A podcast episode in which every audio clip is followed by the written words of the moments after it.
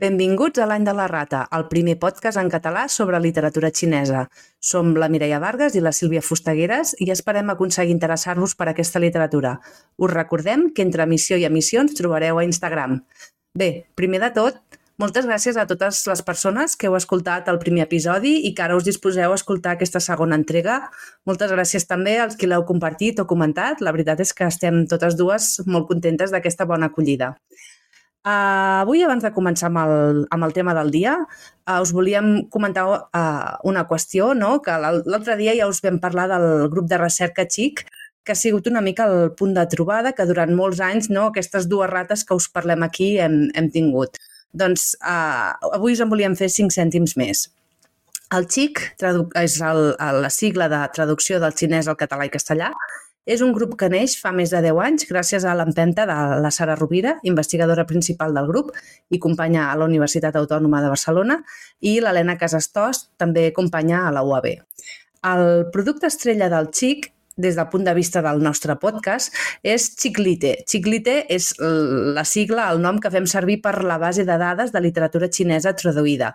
Us deixarem l'enllaç d'aquesta base de dades a la, a la descripció de l'episodi. Allà hi trobareu tota la literatura xinesa que s'ha traduït i publicat a Espanya i, a més a més, la podreu cercar per llengües, per anys, per gènere. O sigui que, si voleu saber, per exemple, quants llibres s'han publicat traduïts al castellà o català aquest 2003, 2023, podeu fer la cerca i veureu que n'hi ha cinc. De moment, tots cinc en castellà. A veure si d'aquí a final d'any en surt algun en català. O si voleu, per exemple, veure quants llibres hi ha, per exemple, de Confuci, que s'han traduït, doncs també podeu cercar per nom i veureu que n'hi ha doncs, 26 edicions diferents entre castellà i català, que algun dia també hauríem de parlar no, de la tirada que tenim en general eh, per traduir llibres de filosofia i pensament que, a més a més, ja estan traduïts. Vull dir que no és allò que, oh, és que no el tenim. No, no, és que anem fent retraduccions no, d'aquests llibres que, que sembla que interessen molt. Per exemple, una de les coses que ens veu comentar, no, de, oh, podríeu dir els títols originals dels llibres? Doncs doncs mireu, aquí els podeu trobar en caràcters molt fàcilment, els títols originals de tots els llibres que,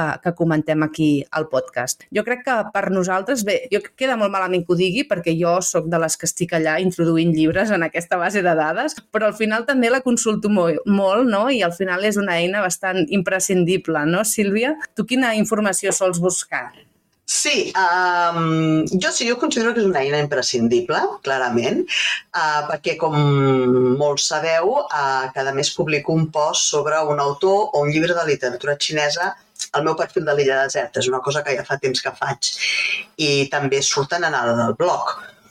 Aleshores, de vegades són llibres escrits per inter internet, ja els tinc comprats, o que són en altres idiomes, però quan són traduccions al català o al castellà faig servir el xiclite per trobar les dades tècniques d'aquest llibre o per saber qui ho ha traduït, és una cosa que em miro molt, el traductor o la traductora de les coses, i també ho faig servir per trobar lectures noves, no? Per exemple, si vull si vull sortir d'aquests textos de filosofia que ja ha dit la Mireia, que es tradueixen 34 vegades, busco allà doncs, coses dels últims 2, 3, 4, 5 anys per anar una mica expandint. També l'he fet servir molt per preparar xerrades sobre literatura xinesa o fins i tot algun club de lectura que, que he fet i és una bona manera de veure què té publicat, per exemple, un autor. I en general diria que és un bon punt de partida per triar les, les lectures xineses a vosaltres mateixos. I a més a més, està amagada, però té una secció dedicada al cinema xinès, vull dir que també us pot servir per triar-vos una pel·lícula.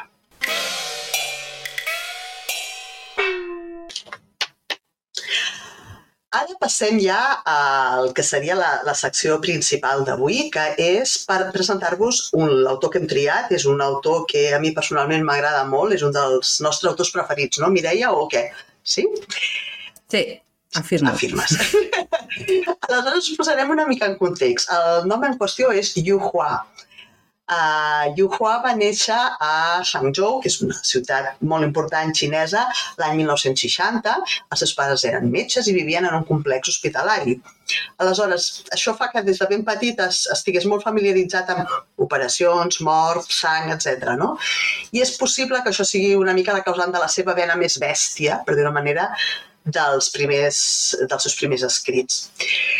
Um, com altres autors d'aquesta generació, la seva educació es va veure condicionada pel context polític de l'època, ja que, per exemple, la revolució cultural, que va ser del 66 al 76, no va permetre que rebessin una formació acadèmica formal i ordenada, no?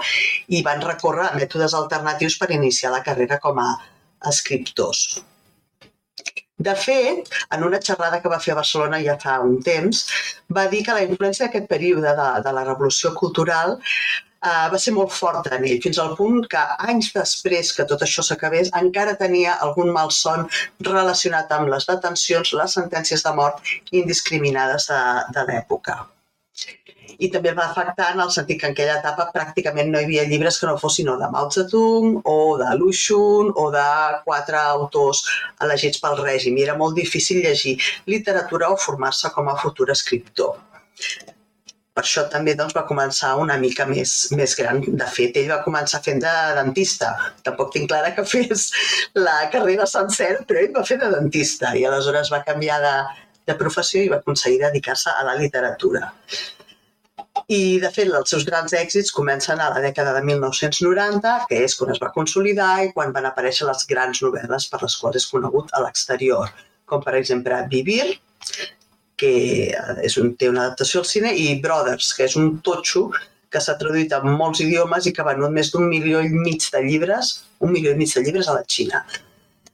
Aquesta dada és una dada antiga, és una dada que va donar ell mateix en aquesta xerrada que us dic que ja fa 10 anys, vull dir que ara igual en vez d'un milió i mig, doncs igual és un milió 700, no ho sé, perquè funcionen amb grans números.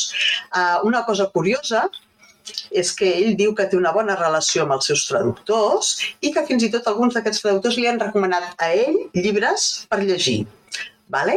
Uh, en aquesta relació també inclou que si li fan preguntes sempre les respon, que dona confiança total als seus traductors perquè diu que ell no parla cap idioma que no sigui el xinès i que els traductors són la seva veu per arribar al món. I l'últim que diria sobre ell és que si repassem les seves obres, veurem que és capaç de reproduir situacions molt diferents amb solvència contrastada, des de la vida rural, als temps maoistes, el capitalisme als anys 80, tot se li dona bastant bé i el fa una mica diferent d'altres autors que tenen un to més uniforme o que es dediquen a entorns més concrets. No? Per exemple, Moyen sol retratar, eh, tot i que des de molts aspectes diferents, però sol retratar el, el seu poble. No? Jo amb això passaríem ja a parlar de llibres concrets per veure si, si us enganxem en algun. Bé, en té bastants de llibres, aleshores eh, al final hem decidit triar-ne dos cada una val? i perquè creiem que són potser els més destacats i els que, si voleu conèixer aquest autor, mmm, podrien ser un bon, un bon principi. Jo us parlaré de dos llibres que són totalment antagònics, Brothers i Vivir. Brothers, que el primer que us diré és que la versió en castellà, si no hi ha hagut canvis, és una versió que no és directa del xinès, vale? uh, ve de la versió anglesa, aquest llibre és un llibre que és, és un totxo, vale? podríem dir que és un totxo, té 880 pàgines, uh, però és un llibre que té una lectura superàgil que passa molt bé. I en aquest, en aquest cas, Yu Hua ens fa veure l'evolució de la societat xinesa des de les èpoques de més fervor maoista fins a bueno, l'actual, l'actual en el moment d'acabar-la, vale? Um, i repassa la, revolució cultural, les campanyes més sonades del govern maoista, etc. I tot això ho fa a través de la vida de dos germanastres que són molt diferents. I un és un cara dura i un jetes i un, bueno, com vulguis dir, i l'altre és un així més de tipus intel·lectual, mesurat, tal, i aleshores quan arriba el moment del, de l'obertura al capitalisme als anys 80, un esdevé un triomfador i l'altre passa a ser una mica un desgraciadet. No? No, no us diré quin és quin, Um, és una història amb bastant dramatisme, però també té moments d'un humor que pràcticament podem incloure en l'absurd i que diria que reflecteix, la, ja en parlarem això després, però reflecteix una mica la seva experiència. L'altre llibre que us comentava és Vivir, i és el contrari, és un llibre molt curtet, de 191 pàgines, que es desenvolupa principalment en l'entorn rural. Val? En canvi, l'altre era més tipus urbà. Uh, Vivir és un dels llibres més coneguts de Yu Hua, perquè, entre altres coses, és el punt de partida de la pel·lícula que té el mateix nom de Zhang Yimou, que es diu Vivir, que és del 94 i que aquell any va arrasar al Festival de Cannes.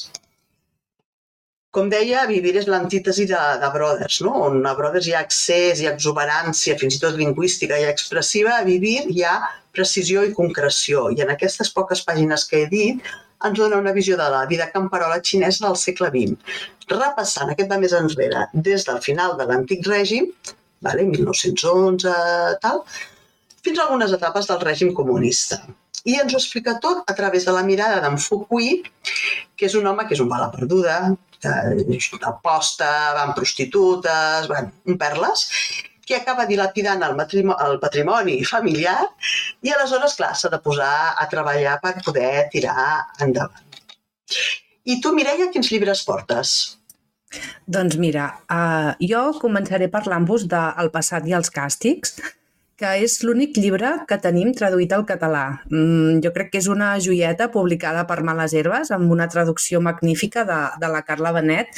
És un llibre molt petitó, ara us, 179 pàgines, a més a més és un format així que, que hi cap molt bé per portar a la bossa. És un llibre fantàstic per llegir al tren, al metro, i aquí trobareu quatre relats amb el rerefons de la Revolució Cultural, també.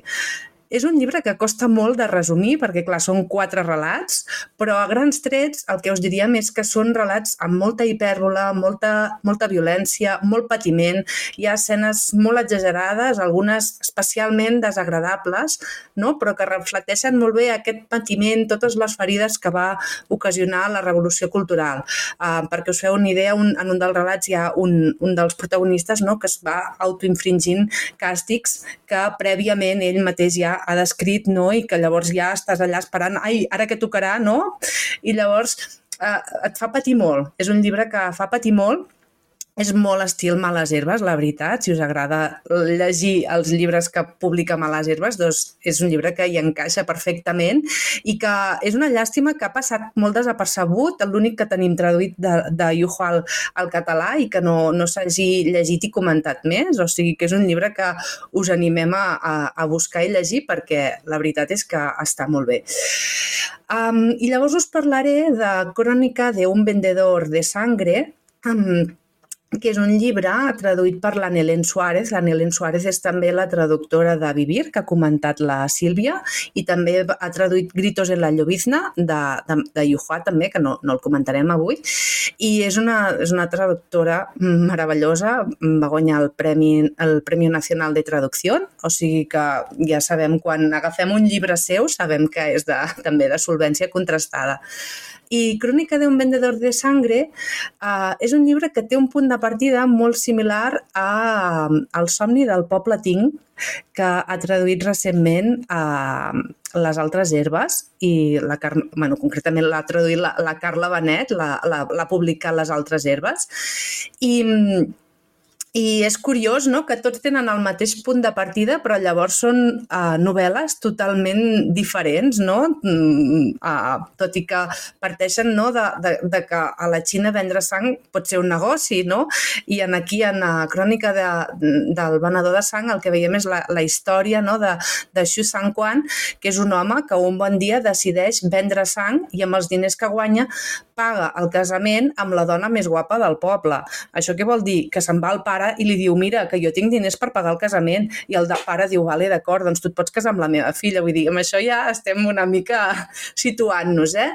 I a partir d'aquí la novel·la ens explica les vicissituds per les quals va passar en aquesta família, que tenen tres fills i que han de passar per èpoques molt dures com són el període de la, de la Gran Fam. Per explicar-vos una mica el, el context, la Gran Fam va ser una mica es van ajuntar a la Xina doncs, un, uns anys de molt males collites, de molt mala gestió, um, de, de l'agricultura i, a més a més, el que es va conèixer com el gran salt endavant, que és que la Xina mm, va, va voler fondre ferro, però fins al punt de que s'anaven a les cases i s'enduien el wok per fondre'l, per intentar situar-se al nivell del, del Regne Unit. I llavors, clar, la gent és que no tenia ni estris per cuinar i realment va morir molta gent eh, de gana en aquests anys. Llavors també la novel·la ens porta cap a la revolució cultural i també la torna a descriure amb molt detall, molta cruesa i una mica com, com ja ens té acostumats a altres llibres. Eh? I llavors, finalment, el llibre doncs, també va passant cap als anys posteriors ja de, de més estabilitat. I una mica, com he dit abans, és un llibre també que fa patir molt, aquest com que és novel·la, el que et va doncs, és enganxant a la història, hi ha uh, com alguns aspectes que es van reprenent, no? que els llegeixes al principi i van tornant a sortir, i la veritat és que aquest, jo l'he llegit fa, fa poc i, i m'ho he passat molt bé llegint-lo i m'ha recordat molt també a Vivir. És una mica l'estil de Vivir, llibres d'aquests que a partir d'una saga familiar et va explicant uh, tots els canvis que es vivien al país i la veritat és que des de la perspectiva històrica està molt bé. I mm, una mica per comentar-vos no, mm, l'opinió general no, de Yuhua, que la Sílvia ja ha començat dient que és un autor que, que ens agrada molt. Doncs jo què us diria? Doncs que com molts autors xinesos no és una cosa que només trobem a Yuhua, eh? perquè el dia que parlem de Yan Lian Ke també ho comentarem uh, poden ser molt bèsties en algunes descripcions i això al principi xoca una mica, eh? perquè potser tenim una altra imatge de, de la literatura xinesa. I ens trobem llavors que hi ha escenes de molta violència, però que al final aquesta violència serveixen per fer una crítica molt important d'una història encara molt recent i amb moltes ferides. No? I a mi m'ha fet pensar també en moltes de les novel·les que tenim aquí que van de la Guerra Civil i que també acaben tenint molta violència i escenes molt crues, doncs els xinesos ho reflecteixen molt, en, en, sobretot en l'època, jo crec, de la, de la Revolució Cultural, que a part és la que va afectar més a, a tot el que seria la generació d'escriptors. De, Llavors, per mi és un autor que és fàcil llegir-lo, però que alhora és fàcil, per, és fàcil percebre-hi una mirada misògina, no? si el mirem amb, amb les ulleres liles no? que tenim actualment. No? És fàcil veure i això, les dones com a objecte, escenes d'assetjament o violacions que, que apareixen com normalitzades, no? I a mi, personalment, no? a vegades doncs, m'enfado, no? però llavors també entenc no? que és que realment està reflectint la mirada i la societat del moment, no? I t'obliga com a lectora a fer l'exercici de situar l'obra en el context a què fa referència i, clar, realment eh, és, és, està, simplement eh, és misògin perquè la societat era misògina, no? La societat que intenta descriure era, era misògina. Llavors, a mi el que em passa és que al principi m'enfado amb l'autor, no? Però llavors, mica en mica, no? Vaig situant l'obra i em vaig enfadant amb, amb la societat, no? Perquè igual que hi ha també violència contra les dones, veiem violència contra els infants, violència en general, eh? Hi ha, hi ha llibres que... perquè és el que, la violència no és el que va marcant el, molts anys de la vida d'aquests autors, i de Yuhua en concret. I finalment, de Yuhua també volia dir que a mi m'agrada molt el, el costumisme, la descripció acurada que fa de molts aspectes de, de la cultura xinesa no? i com ens acompanya no? a fer un repàs de la història a través de la seva mirada. Sílvia, tu què en penses de Yuhua? Doncs estic molt d'acord amb, el, amb el que dius, molt Uh, bueno, ja ho havíem comentat, no? Uh, igual que tu, veig també el costumisme, trobo super interessant, avui perquè parlem de Yu Hua, però també ha altres autors, aquesta manera de, de veure la història de, de la Xina sense que siguin pamflets, sense que siguin llibres d'història, no? agafar la història d'una família o d'un poble o del que sigui per il·lustrar sigui tot un cicle o, o, o un moment concret, no? com per exemple amb el, amb el tema del, del venedor de sang, és un, un fet concret.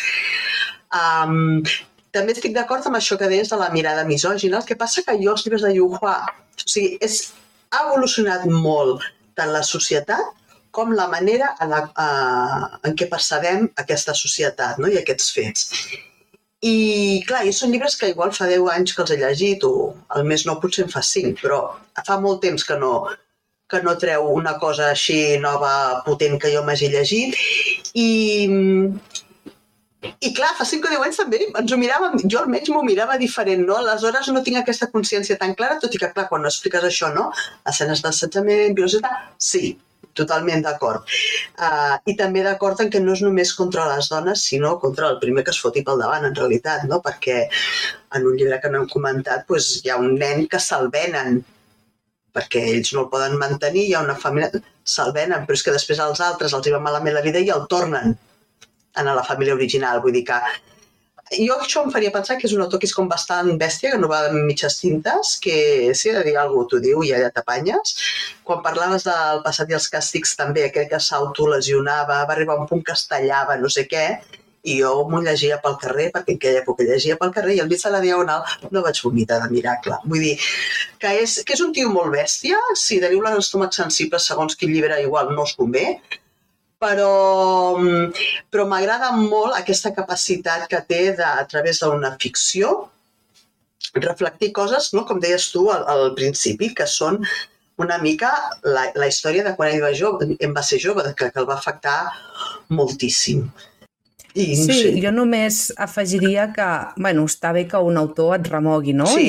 I Yu Hua ho fa Molt. en totes les seves obres, et remou, i la veritat sí. és que, bueno, encara que ho passis malament, jo estic a favor d'aquest tipus de, de novel·les, eh? Totalment d'acord. I només ja, ja per acabar, um, dir-vos que moltes de les seves obres s'han adaptat per al cinema. La Sílvia abans ens parlava de Vivir, que la trobareu fàcilment a diferents plataformes, i també haurem d'estar atentes perquè just aquest any a Canes eh, han estrenat Only the River Flows, uh, Happy and That Soul, i, bueno, esperem que ens arribi aquí.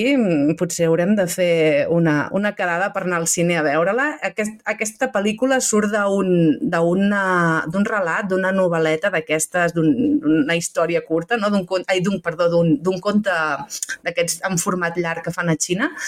I no està traduïda al català o al castellà, o sigui que, bueno, potser la, la pel·lícula serveix per veure que ens estem perdent aquí alguna cosa interessant. I, bueno, Crònica d'un vendedor de sangre, eh, hi ha una pel·lícula coreana i a mi, com que m'ha agradat molt el llibre, penso, ostres, ara que estem tots tan fan, fans de, de les coses coreanes, ja m'agradaria veure com, com l'han adaptat, eh? Uh, o sigui que mai no se sap si ens arribarà o què. I per tancar el programa d'avui us comentarem quatre notícies sobre el, la literatura xinesa, la llengua xinesa i tal. Comences tu, Mireia? Sí, començo jo. Doncs res, dir-vos que aquesta setmana hi ha hagut el lliurament dels Premis Lletres Xineses uh, que s'han uh, que, que ha organitzat uh, um, arran d'un projecte de, de recerca, Digitrans, i eren uns premis que s'han lliurat a obres eh, fetes a instituts i escoles arran de lectures de, de la Sant Mao. Uh, I en paral·lel han organitzat una exposició que, si teniu curiositat, la podeu veure a l'Ateneu del, del Fort Pienc. Per tant, bueno, comentar-vos la Sant Mau la portarem aquí a l'any de la rata, més endavant. Uh, I de moment, si, si teniu curiositat, podeu anar a veure aquesta exposició que, que es podrà veure durant el, el juny. I també dir-vos que aquest, um, aquest maig la Sílvia, amb el seu altre compte, L'illa deserta, ha sortit al diari Ara, no? la seva promoció de la literatura xinesa i de retruc també al, al podcast. Eh? O sigui que si ens esteu escoltant gràcies a la notícia, benvingudes, benvinguts i aquí estem per recomanar-vos llibres de literatura xinesa. Molt bé, jo per la meva part voldria destacar que, com ja heu vist a Twitter, si esteu al Twitter, Duna, que és la col·lecció compartida de Raig Verd i Mai Més, ha comprat els drets de traducció de la trilogia de El problema de los tres cuerpos de Lin Cixin, que ja sabeu que ha tingut molta repercussió, se n'han fet sèries, eh, pel·lícules tra traduïdes al castellà. I la traductora la tenim aquí al micròfon, és la Mireia Vargas, i esperem tenir el llibre ja a les llibreries a principis de l'any que ve. Vull destacar especialment que eh, la valentia de Raig Verd i de Mai, Mai Més per eh, comprar aquests drets perquè ja està traduït al castellà. No és habitual que si un llibre ja s'ha traduït al castellà, sobretot de literatura xinesa, després se'n faci una traducció al català. Això ho hem de valorar molt. Recomano molt que els hi doneu suport. Crec, de fet, que han obert una xeta i tot. Val? Uh, I l'última notícia és que si us està agradant el podcast, tot i que és molt aviat perquè només estem al segon capítol, però si us està agradant la manera de una, trobar una altra manera de descobrir la literatura xinesa, hi ha dos cursos que s'estan fent en aquest àmbit. Un ha començat ja i l'organitza Casa Àsia en la seva formació en línia. Um, i és sobre la literatura xinesa del segle XX, des de diferents aspectes, en quatre sessions. I al juliol hi haurà un altre curs que fa molt, molt bona pinta a l'Ateneu Barcelonès, que portarà el Ricard Planes, que coneixeu com a editor de Males Herbes, però que també heu de saber que és un expert en literatura i cinema xinès, i que aquest curs que farà és sobre literatura escrita per dones. Mm, parlarà de cinc autores molt, molt destacades de la literatura escrita en xinès. I això és tot per avui. Tens alguna cosa per afegir, Mireia? No, moltes gràcies al que, als que ens heu escoltat fins aquí i ens escoltem al juliol. Doncs fins d'aquí un mes. Moltíssimes gràcies.